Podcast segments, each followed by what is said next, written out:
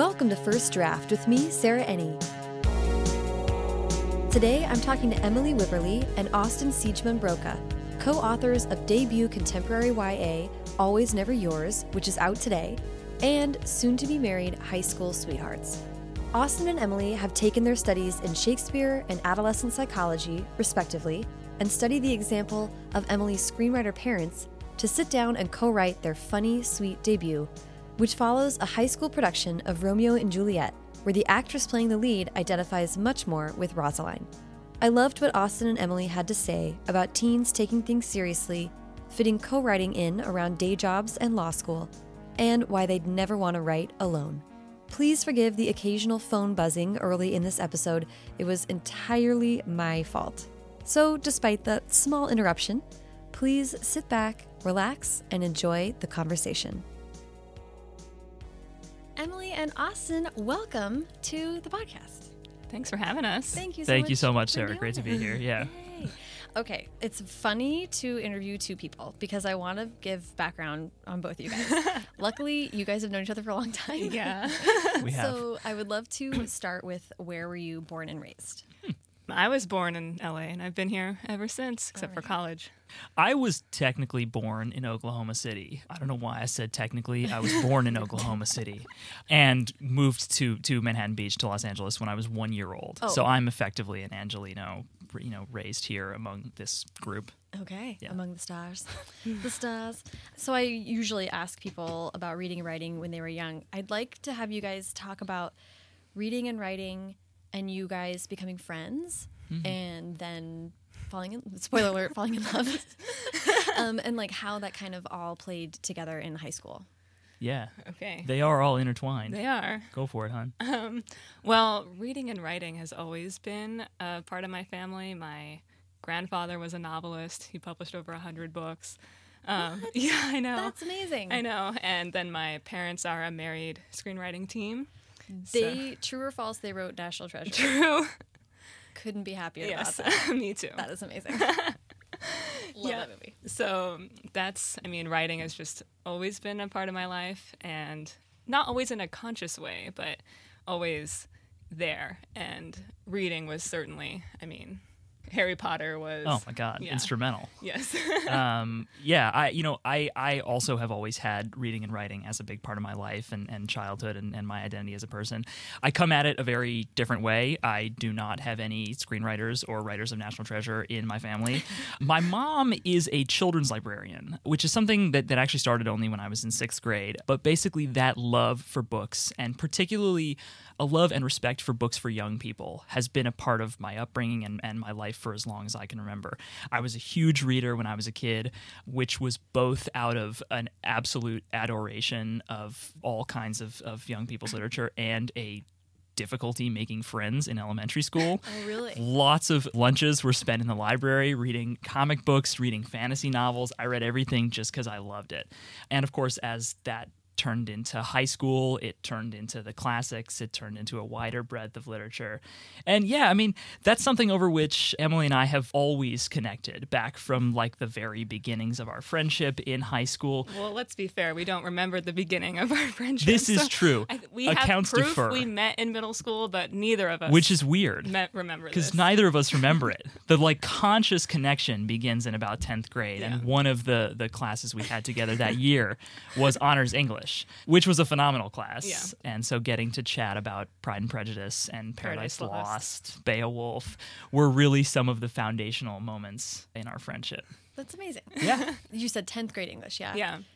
I think it was 11th grade English for me. It was like the really the class that kind of broke it wide Mm-hmm. open. And I had that with one of my best friends, and it was very when you can use that as a lens to talk about like what do we care about. Yeah. it's always really important. yeah. It's like discovering this whole other way of looking at stuff you've loved that you had no idea was out there or that people were doing, Yeah. and it remains very much a part of our relationship. Yes, to this day. Yes. It's pretty much all we talk about. it pretty much is all we talk about. So you really got to know each other in 10th grade. Mm-hmm. Yeah. Were either of you writing your own stuff at that oh time? God, no. You maybe, but me no. Yeah, I've I've dabbled in fiction writing, you know, the the way everybody does, which is like terrible short me. stories, except Emily. um, you know, in, in ninth grade, but without any serious sense of honing the craft or wanting to do it. I just knew I I liked to write. Working collaboratively and working seriously were things that came later for both of us. Interesting. So lead me to then being boyfriend girlfriend. Oh, okay, sure. Um, well, we were best friends, I would say. In our junior year, we were like, we were best, best friends. We had like every class together because there's only so many, like, we were in every AP and there's only mm-hmm. so many classes. So we had a stacked like five periods together every year. Man. And yeah, I mean, it was just set up for us. And then I think at the end of junior year was when I started to realize that maybe this was more than a friendship. And then I proceeded to campaign very hard for for him to see that. She did. Pulled out every trick in the book. She did. what does that mean? I have to know. What does that mean? Okay. Well, you know, when you get like your friend to like I am him, but really it's you. Oh and my you're god. like, what do you think about classic. Emily? But it's me asking. That is- totally happened. That happened. You guys are Absolutely happened. Movie nights were organized with proper seating. and then being like, well, I think I'm gonna go for this other guy who's like your rival. If like you don't, That was tough. Yeah. That was a that was Lots a of- tough thing.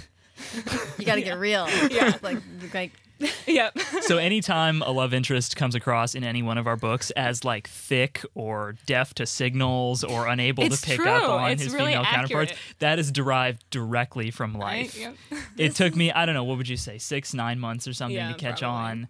And then the you know, the the funniest thing happened, which is that there was just a day I was sitting in economics class of all classes, and Emily made some joke, and I turned around. She sat one row to the right of me and about four seats behind, and I just looked at her, and it was just like everything changed. It was that moment that people talk about, and I was just like, "Holy cow!" I mean, I didn't think "Holy cow" like, I have been because that'd idiot. be a really unromantic thing to think. but I thought this girl is beautiful and funny and smart and has been my conversational partner and sparring partner often for as long as I can remember in high school. And what the heck am I doing? yay. Yep. And there we were. Great. That's a great story. Yeah. Also, I love that. Well, I love this because it relates to Megan in Yes. your book, which we will get to always never yours momentarily. And she's like in charge of her dating life, like in a very Yes. conscious way. yes. which was one of my favorite parts about her. I loved that. And also, I'm listening to this podcast called, I think it's called Why Won't You Date Me? And it's the comedian Brilliant. Nicole Byer. Okay. it. That's She's- perfect. She's like my favorite person on earth right now. I love her so much. And she, every episode recounts to the her guest how she like finagled ways to make out with them at some point. It's almost every episode I've listened to so far, she's like, "So we made out in the past. Let me tell you how I made that happen." And it's such a truism. I, at least with a lot of women I know, it's like. I think often men think that they made the advance, and you're like, no, you, No, you- did what I wanted you to do after three I made months later. so many Yeah. moves. Yeah, Inception. Yeah. like I had the Rube, this. the Right. Rube Goldberg machine of you and me making out Sure. Yeah. has been in You don't know how little free That is will very you have. Yeah. Very it was accurate. totally went that way. So I Yeah. fe- I feel like validated by Yeah. this Yeah. story. yeah. Right. and happy for you both. That it Thank you. Yay. Um, that is adorable. So, so let's get to writing um, because Emily, I know you've already published a series of books. Actually, Yeah. I'd love to hear about like going to college and starting to write on your on your own. Um, well, we went to different colleges, and then when we came back, I mean, my my family was always trying to push me to be a writer. I think I'm the only person in the world who's like, my parents were disappointed I was not an English major. Like, they were That like, is amazing. Why are you getting this science degree? It's a waste of your time. You're gonna be a writer, and I was like, shut up, dad. You don't know me. I'm rebelling by taking a lab. Um, exactly. Which is actually exactly what he did. Like he was an economics major and he was Oh. like writing is just so not practical. So the cycle repeats and That's so funny. Yeah. But I love that you were being a rebellious I know. psych major. Um, you studied adolescent psychology, which is so, I mean, both of what you guys studied in school is applicable to what you're doing Yeah. now. But I'm really interested to hear why or how you ended up honing in on that as your specific uh, focus. I guess I just really, really love that time in a person's life. You're coming of age and figuring out who you are and if I was going to address that from a psychological point of view, I was going to do developmental psychopathology. And if I was going to do it from a writing point of view, it was going to be young adult fiction. Like, Yeah. there was just no question about it. I don't know why. Probably because we fell in love so young. That period is so momentous for mm-hmm. me. And we just worked so hard in high school to kind of it really did crystallize our identities in the way Yeah. people talk about that happening. And it's, by the way, as a side note, it's completely fascinating to hear Emily talk about the stuff she studied because, especially in the current climate, one of the things I don't mean to just like toot your horn over here too much, but like w- one of the main focuses she studied was school shootings and why that happens. And so in the current climate, it's really cool to have somebody at the breakfast table who can kind of break down the legitimacy of a lot of the things said. That is fascinating. And like, I don't want to derail this conversation No. for an hour and No. interrogating you Right. about that because I could. But I would love just a brief Yeah. crash, like anything that you can tell me that you feel like you've directly taken from that study to apply to your YA fiction. Um, oh, that study specifically to well, fiction? not school Well, shooting, but okay. just adolescent psychology. Well, one of the interesting parts of that period is like when you're a child, you know, your parents are the most influential people in your life. And then mm-hmm. when you're a teenager, that changes and it becomes your friends. And that's so interesting because you pick your friends. Mm. So it's kind of like, you know, when you're in grade school, your friend is who sits next to you in first grade. And then when you're in high school, you don't just become friends with who sits next to you. You seek that person out by joining clubs and mm-hmm. taking specific classes. And mm-hmm. so that you're kind of picking these people who are going to shape you and that they do indeed shape you. And also, I, th- I was thinking about this recently because as adults, we move around the world to create our own bubbles. But there's still some degree to which in high school, it's just like you and 2,000 other people who are randomly connected by geography, which is sort of wonderful, actually. Like, I was mm-hmm. just telling you guys that I've been doing things in my extracurricular life to not only see writers on a day to day basis Yeah. Right. because that's happened so easily. But when I was a kid, I was running into people who had different interests all the time because they were just in the True. hallways Right. Because you had me. to. Right. Yeah, and even up through now, everybody's got those couple of friends they made in high school who were just like random people they sat next to, and you just like make jokes about your geometry teacher, and so you became friends on Facebook, and now you have this little window into a life that's become totally different from your own. I mean, I can think of people by name who I, I have no reason to interact with ever, but they just kind of show up in corners of my life as like, mm-hmm. oh yeah, I remember that person. And like I care about them. Yeah, But why? yeah, and you get a funny mosaic of life from that. Yeah. Um, yeah. It's very interesting. High school was tight. It continues to it continues to teach us lessons. What about studying? You, I believe you studied Shakespeare. Uh, yes, I did very avidly. A huge Shakespeare nut, which began in, in senior year of high school, which I guess is sort of coming to the fore, was a pretty important year for the both of us.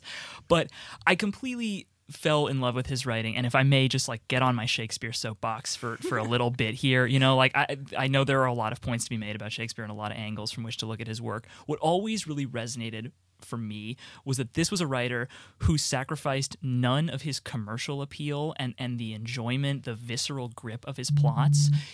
in order to simultaneously make them transcendent literary and, and psychological works. And so that combination made him just like a singular writer to, to focus on for me. So I pursued that all the way up through college. I basically knew I wanted to go into one of those careers where you can use words and also make money so journalism law whatever that gave me very free reign in college to study whatever i wanted to study and shakespeare was it so i really drilled down on those interestingly i mostly studied the tragedies which i love and paid a little bit less attention to the comedies so it's been fun in writing some of the books that we have to get into the lighter sides of shakespeare's Yeah, work a Romeo little and bit. Juliet is not exactly one of the Romeo lighter and Juliet, yeah, it's right. It's true. It's true. It's it's right in the middle there.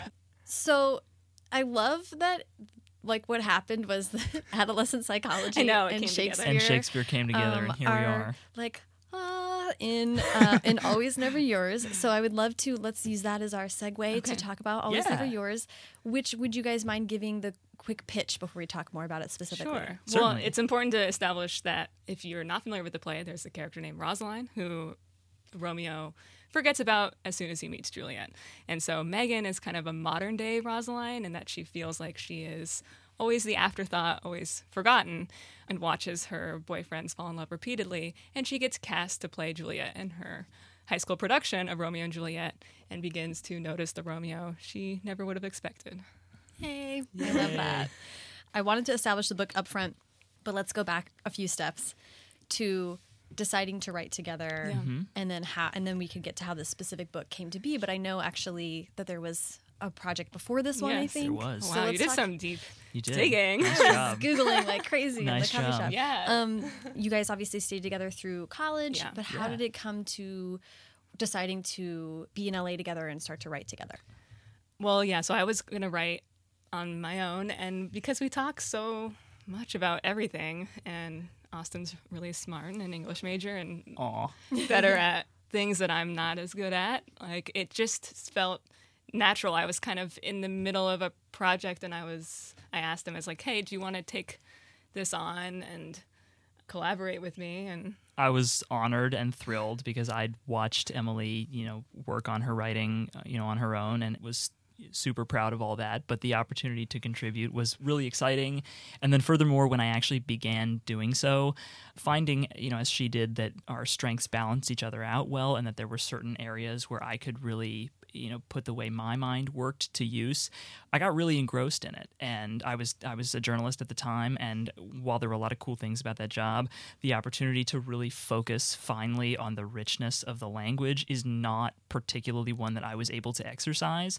And so getting to come home and, and work on this manuscript and put my spin on the things that existed was really exciting and that's kind of how our collaboration began on this project that now is in a drawer that is- somewhere yes, it is shelved, Yeah. but it is a lot. People say that your first book is kind of your most autobiographical book, right? Mm-hmm. And so that book was definitely autobiographical about two overachieving students trying to get into Harvard. Yes. So very autobiographical. yeah, well, I was going to say, what did, because Emily, your books that you've self published yourself are like kind of action stories, Mm-hmm. right? They're a little different. So, was it, I'm curious about the origin of this project and what made you think, like, for this project, I'd love Austin to be a part of it. writing about these characters that were so much like us. It had to be both of us. It was- had to be both of us. yeah, it was a writing pretty natural fit, and I was very honored to be asked and, Yeah. and jumped onto it. so, Uh, the concept came first, and then you were like, let's open this up Yeah. yes, and work together. What was it like to start working together? Oh, it was so weird because you were still working full time. Yeah. So it so wasn't like our process for No. Always Never Yours mm-hmm. because that was really in a like, here you write a chapter, I'll write a chapter, and that is not how we do things. yeah. Anymore. Yeah. It was very piecemeal. It was very whatever I had time for. Sometimes I'd find myself touching up some prose. Sometimes she'd be like, "Write this little segment," and I'd do it. A a lot of revision happened, and we would, you know, to, on in the weekend we would sit together and say, "How do we change this Act Three? And then you do this part, and you do this part.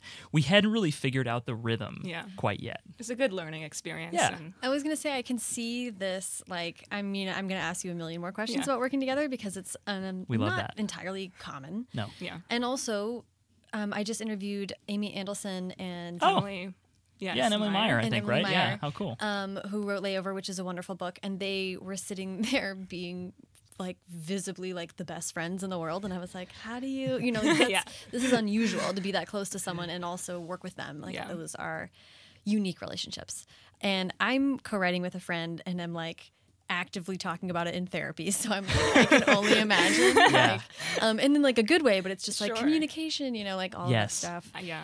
Is really intense and different from how you deal with similar things in a relationship. So there's a lot of It- overlap. it we always say we similar. don't know how people can write with friends because it's such a intimate It is. tough thing and we always say you need to have that trust to be like honestly your idea is bad and Right. like and You- like, you but need to underlying this know- is I was like I still you. love you and you're really smart Sure, and but that idea was not good yeah and and like that you both have such a commitment to doing this together that you can get through the hard conversations and the and the really Yeah. tough conflicts and know that the relationship in both its forms the collaborative and in our case the romantic will survive Yeah, that's Um, huge. yeah. Well, and I, it's kind of like when I moved in with a roommate three years ago.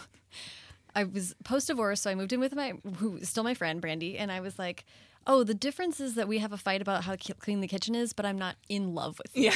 and so it's like, the you know, same. I don't think this is like sustainable. I think I need to live by myself with my cat, um, and that worked out great. And I still love Brandy, but it was very. I was like, this is different because you can weather some storms because it's like I am actively in love with you, so we can talk about this difficult thing, Yeah. Yeah. and that's okay. Yeah.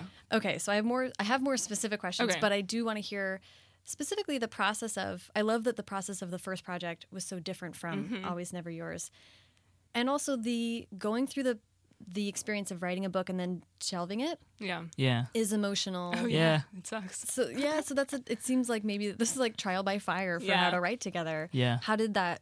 How long did it take you to write it? How did that experience go? Oh, Our first book, Yeah. we spent probably It, was, was a long time. so piecemeal. Right. So it's a lot of like time temporally, but Sure. like if you were to just cut them all and put them together, it was not. Yeah, Yeah, it was well- about a year. I would say even a little bit more, but a lot of that was 10 p.m. to midnight for me. Mm-hmm. You know, I was gonna say and writing, f- working full time, Yeah. and writing for your day job.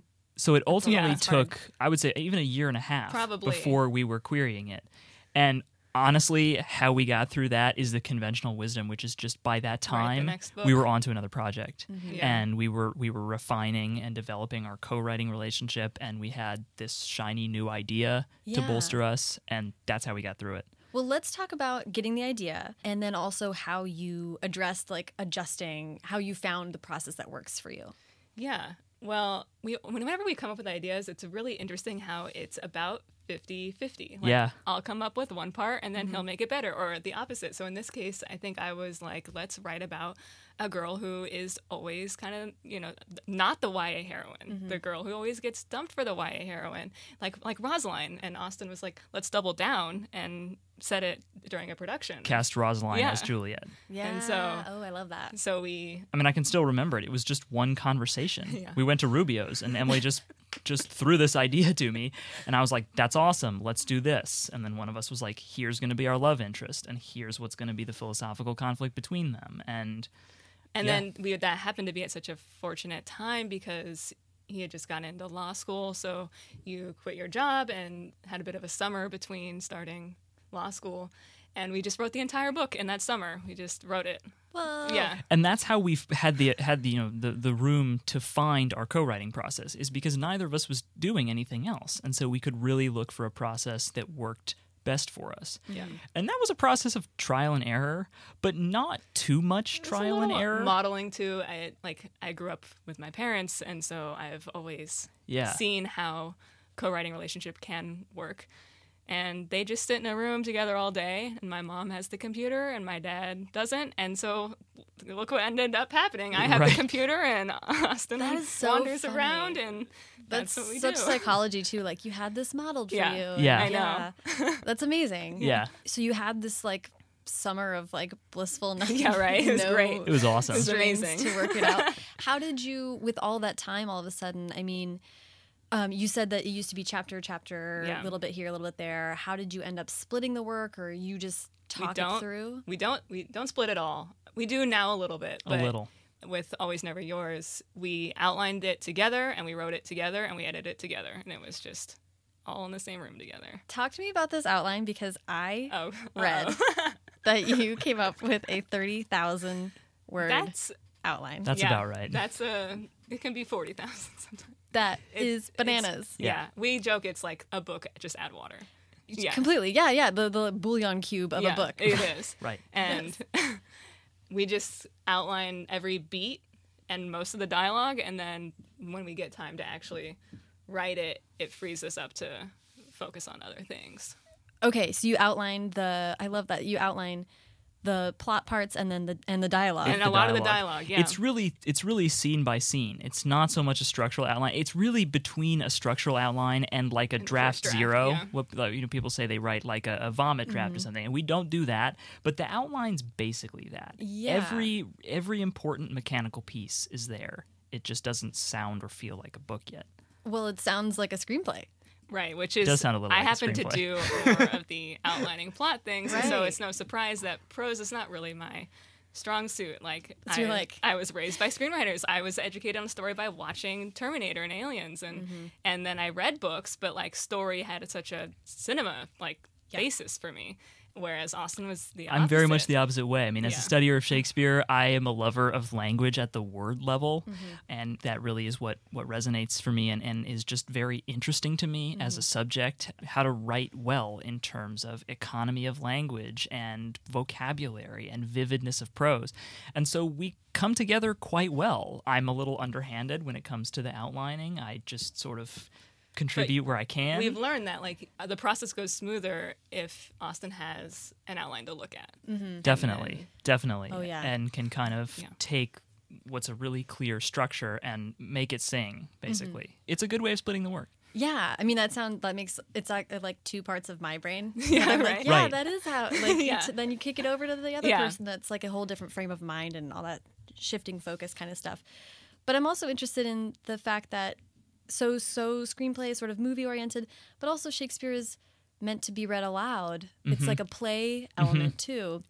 Which is so different. I mean, Shakespeare's words are so rich that it is prose Yeah. level. That's the thing. It's one. It's one of those. Another one of those things where he just is like winning in two games. It's all of the dramatic tightness is there, but as a student of it, what we were sort of taught to focus on, and what I often did, was the granular vocabulary level, and mm-hmm. that was the focus of my analysis a lot of the time. And so that way of thinking about a piece of writing, of not just like what's happening, but how does the way in which something is said inform and supplement or challenge what's being said that's really exciting to me that's really something that's ingrained in my understanding of literature and it's what i tried to bring to our process Yeah, and like the enjoyment of it, right? yeah Like, you know the the fun of that Yeah. it's like a little game writers play with you and it's great Yeah, love that. I wrote a paper in college. I took a Tolkien class and I wrote a paper Mm. about how the hobbits speak. Yeah. I'm like, yes. yeah it was so fun to talk about that. yes. Okay. So we we talked a little bit about Megan, who's the main character in Always Never Yours. And I love that she's just she sort of knows what she's about in some ways at the very beginning. She's like, I'm a flirt. I see this hot guy. I'm getting after it. Like exactly but it also it, it I love that it takes place in a drama class with dra- with kids who are involved in drama who are taking it incredibly seriously Yeah. and who are good at it and they're not it's not a joke side wink wink nod nod these are drama nerds it's not like that at all and i'm i'm getting the vibe from you you guys are obviously very serious high schoolers i mean oh, you Oh, took yeah. co- Yeah. you took high school and college really seriously Yeah. and uh, i just appreciated that these kids were like Yeah. no take me seriously i want to perform Yeah, that I mean, we had the great fortune to go to a great public school for the arts, and I was involved in music there, and you were involved in journalism, but you were covering.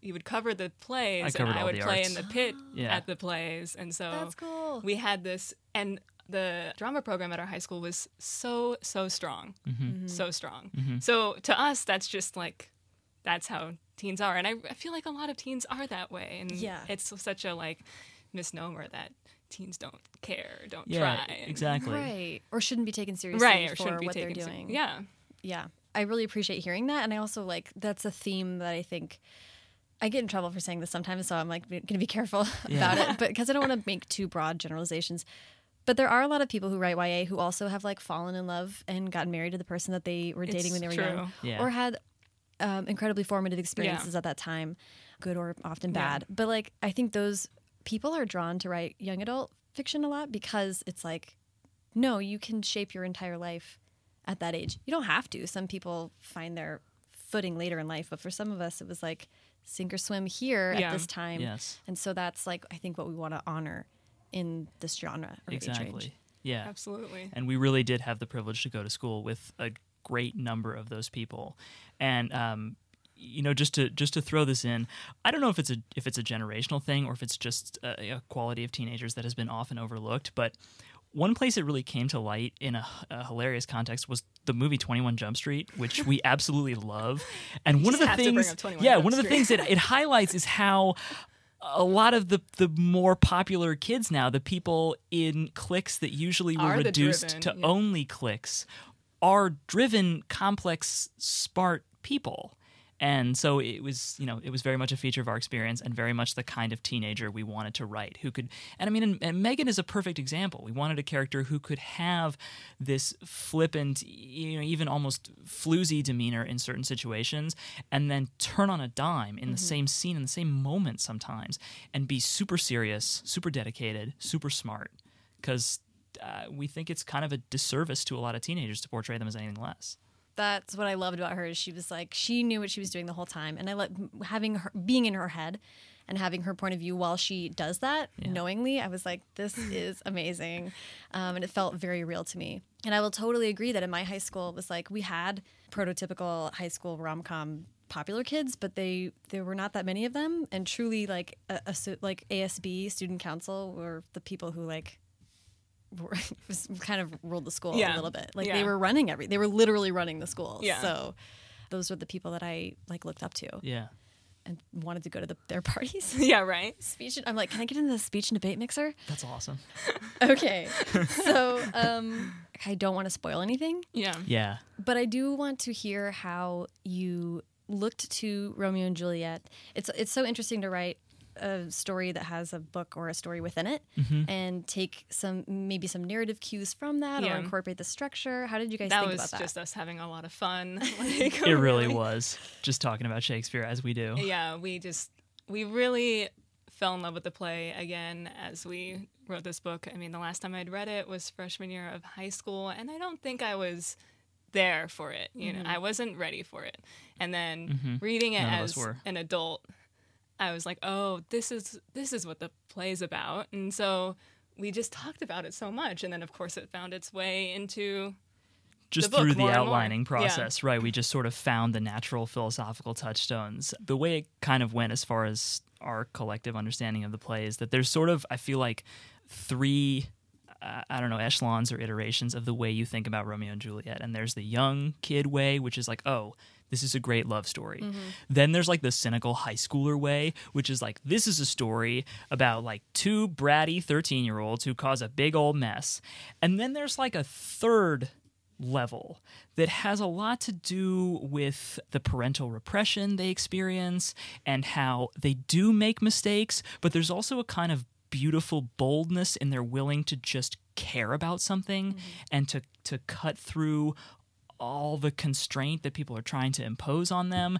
And it's sort of an intermediate understanding where everybody is sympathetic and is at once frustratingly flawed and d- deeply painfully relatable.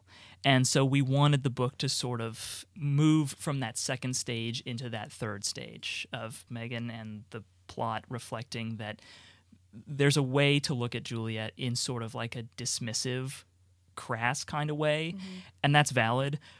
But there's also this other way of looking at the character in the play that makes it a lot more sensitive and understandable and sweetly sorrowful. Yeah, that's really well put.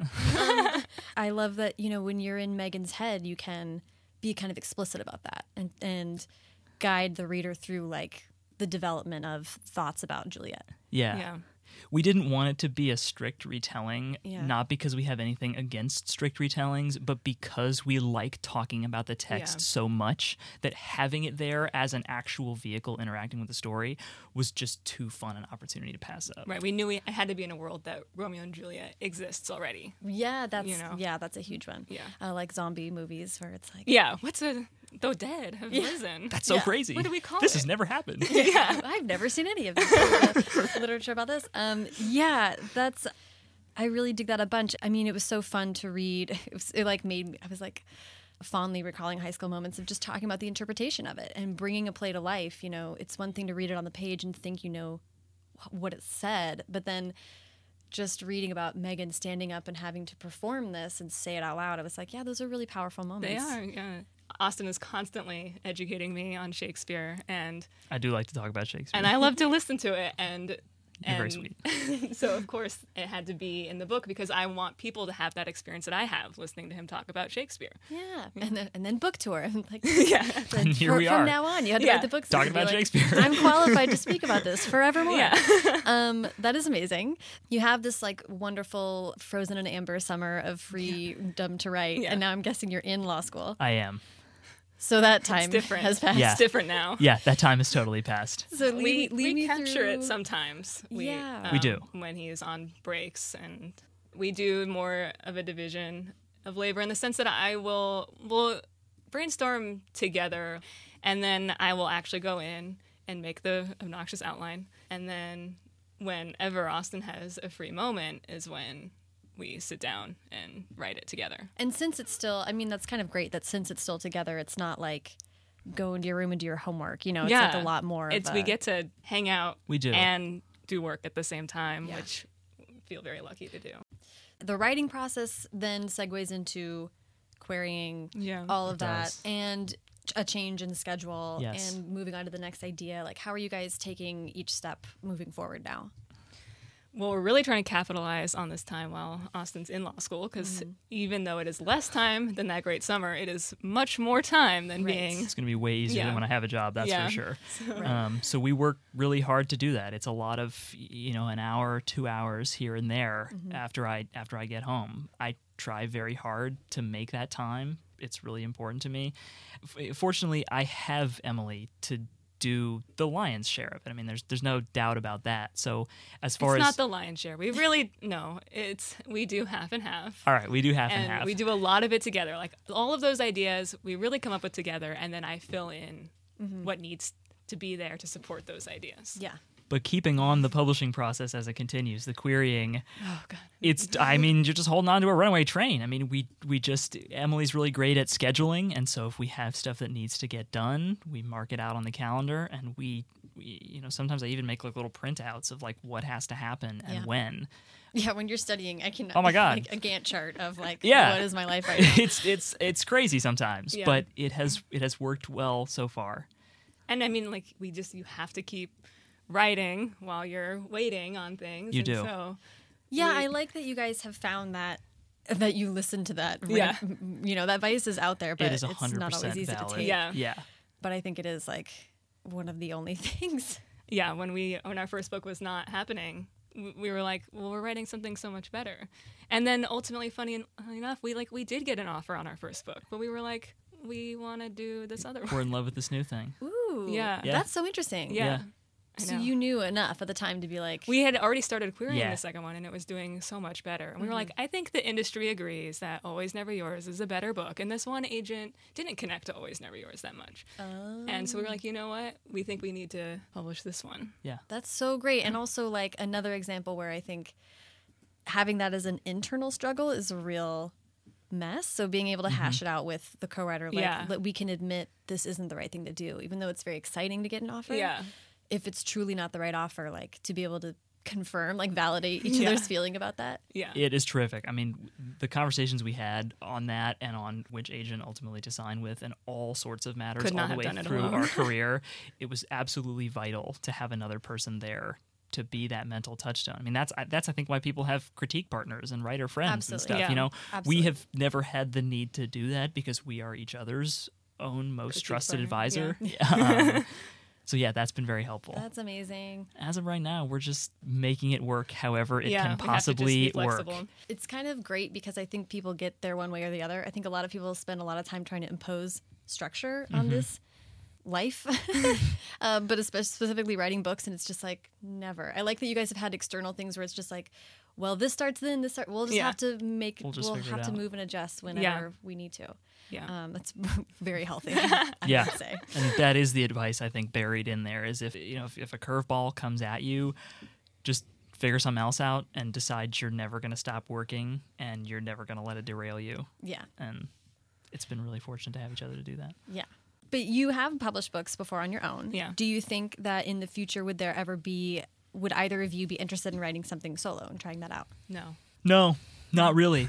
we really have found a terrific balance in terms of of each other's skills, as we say the you know the plotting versus the prose. I, I mean, we have enormous respect for writers who just have both of these sides of their brain fully functioning. I know. My we- parents would always say, like, why would you want to write a book by yourself? you like, know, I was like, you're right. I love that. I love that. They're like, huh? Like, that doesn't make any sense. And I was like, well, that's the norm, but not for us. which is crazy. Yeah. we just know that working together produces better work, and we would not want to go out on our own and deprive ourselves of that wisdom. I feel like. Yeah.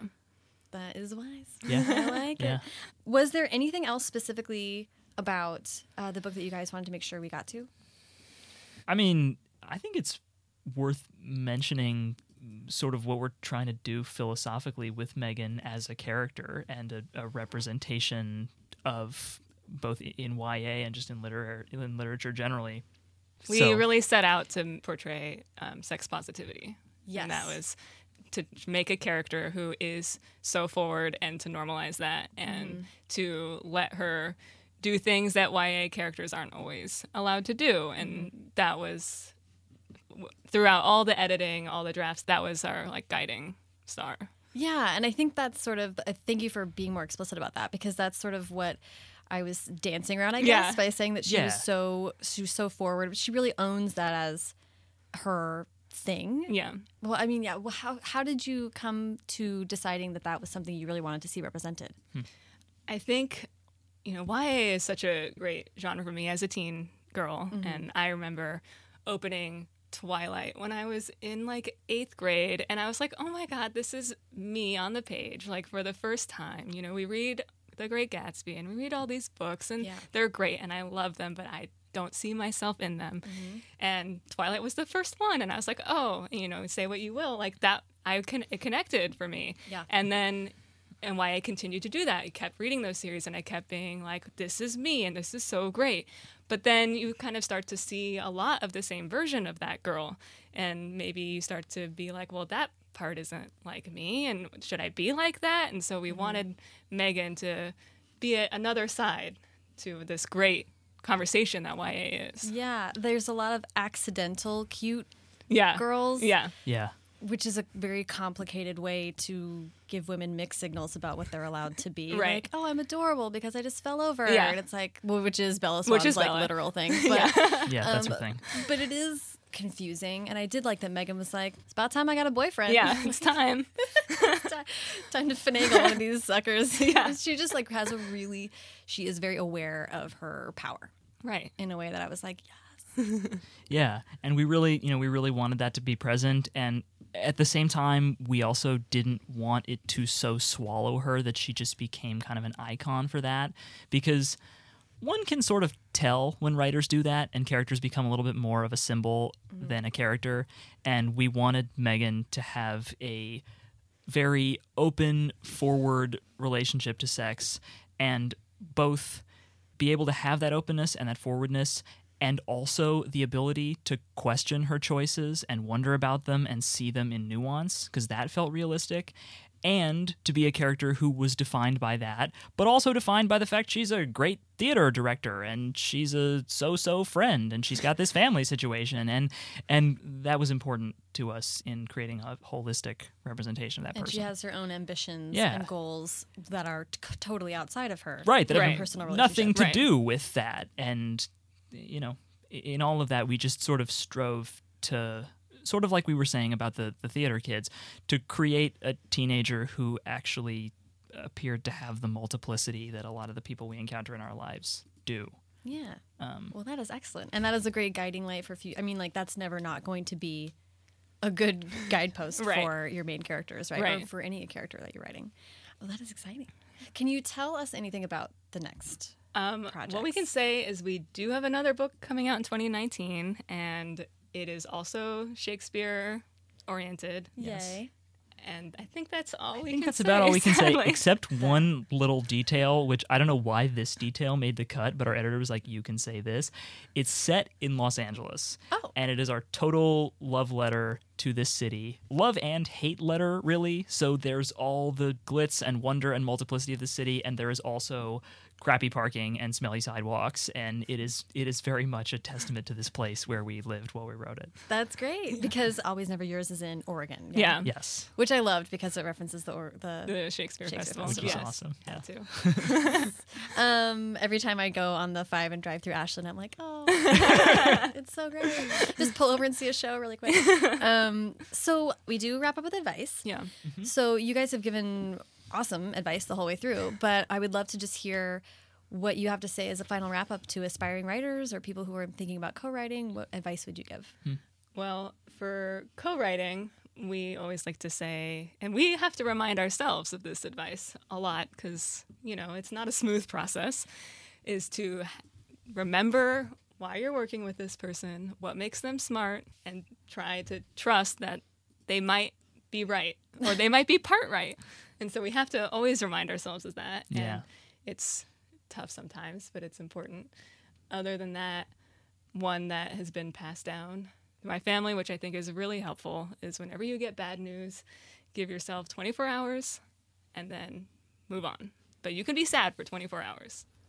That's good life advice. Yeah, right. For Yeah, all kinds of situations. Well, and what you're saying, like the other person might be right. I think you guys had a Twitter exchange the other day about like you were. I think I think I'm remembering this right, but it was about like in the moment arguing for changing a word. Okay. Yeah. Sometimes Emily's just gotta like let me get it out of my system and just kind of go, and then she'll she'll change the word, but she doesn't really want to hear why. It's like the backside of that trust, right? It's like sometimes I get really hyped up about an issue and I can just go and go and go because, as I've said, this stuff's really interesting to me, mm-hmm. but for expediency's sake, it isn't Like, always a conversation. We don't need to have a 30 minute fight about whether as can be in this book. Sometimes. And then you did also talk about whom on Yeah. Twitter recently, which I was so here for that. Yeah. like, it, you're right. it will never, never be in a gonna YA happen, book. but- Nope. However, sometimes you're just like, know. oh, it would be a better sentence. Yep. It's a killer. At least Yeah. not in contemporary. I, I don't. Maybe you You want to put that stuff in fantasy, fine. Right. It's so true. Oh my god. No. But no hymns. But uh, no, no homes.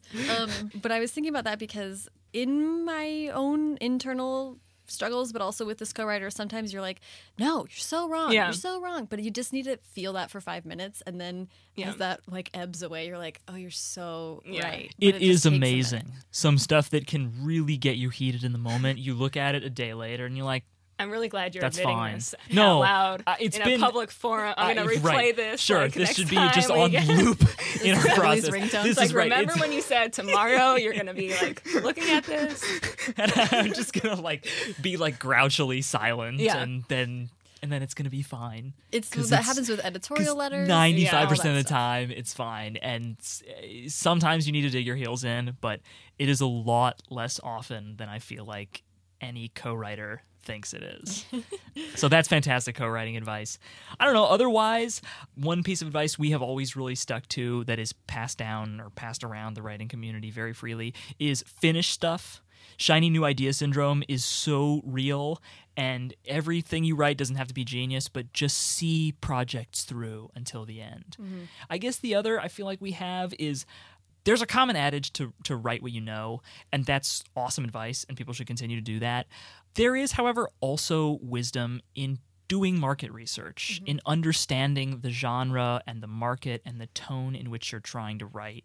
And so sometimes striking a little bit more of a balance of learning what everybody wants to read and then finding a way to put what you know and who you are into it is a more nuanced and sometimes more successful take on that advice. I like that. Yeah. That makes a lot of sense. And it doesn't have to be like at, seen as a mercenary thing, right? To read what's selling No. and to just learn from that and let that become a part of your understanding of what's out there in YA right now. It's Yeah. Uh, yeah.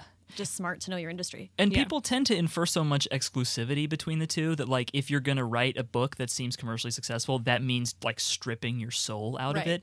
And I think in the best of circumstances, and I think the bestseller list reflects this with Hate U Give and Children of Blood and Bone, it's people and books who have taken stuff that works incredibly well in the marketplace and found a way to bring themselves into it. Mm-hmm. And that's a really beautiful thing. Yeah. We don't Um, all have to go into the woods and like find some, you know what I mean? Like some romanticized version of like your Yeah. pure artistic self. Yeah. It's like, no, you can live in the world Yeah. that we're in and still manage to say something personal. Yeah. Yeah. Um, your express your personal creative self in something that could also be commercially viable. yeah. There's nothing inherently wrong with that. No. I mean, it's not like when you were a kid, you were like, I'm going to write young adult fiction from a girl's point of view. No. I grow up. I, admittedly, this And advice that's like in is his very. journal. He's like, one day. Yeah. That'd be amazing.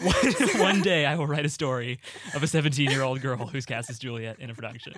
I mean, I'm right. I'm not gonna lie. It's been a it's been an experience of learning and paying a lot of respect and attention to a flourishing genre and just trying my best to contribute to it in a good way. I love that. Yeah. Bring a little bit of that to law school. I'm very interested to see how that interplays. Yeah. that will be great. You'll be defending us all one day. It's plagiarism cases. be my or pleasure. Whatever. um, this has been so delightful. Thank you guys so much for taking the Thank time you. to come down and chat with me. Oh, of course. Thank you. Thank you so much to Austin and Emily. Follow Emily on Twitter and Instagram at Wibbs underscore Inc. W I B B S underscore Inc. And Austin on Twitter at A Siegemund-Broka and Instagram at Austin's underscore B. Follow me on both at Sarah Enni and the show at First Draft Pod. You can also find the show on Facebook, but for links to everything Emily, Austin, and I talked about today, as well as a link to sign up to my newsletter, a searchable archive of all previous episodes, and transcripts, be sure to head over to firstdraftpod.com. If you like what you heard today, please subscribe to the podcast on Apple Podcasts or wherever you listen to podcasts, and leave a rating or review on iTunes. Every five star review makes me feel like staging a dramatic soliloquy. I will be at BookCon in New York City on June 2nd and 3rd in the Javits Center. I am moderating no fewer than five panels that weekend, so check out the events page at firstdraftpod.com for all the details. If you go, odds are you will see me there. Haley Hirschman produced this episode. This episode was engineered by Cody Ziegler. The theme music is by Hash Brown, and the logo was designed by Colin Keith. Thanks to super intern Carter Elwood and transcriptionist at large Julie Anderson. And as ever, thanks to you, empowered and alive Rosalines, for listening.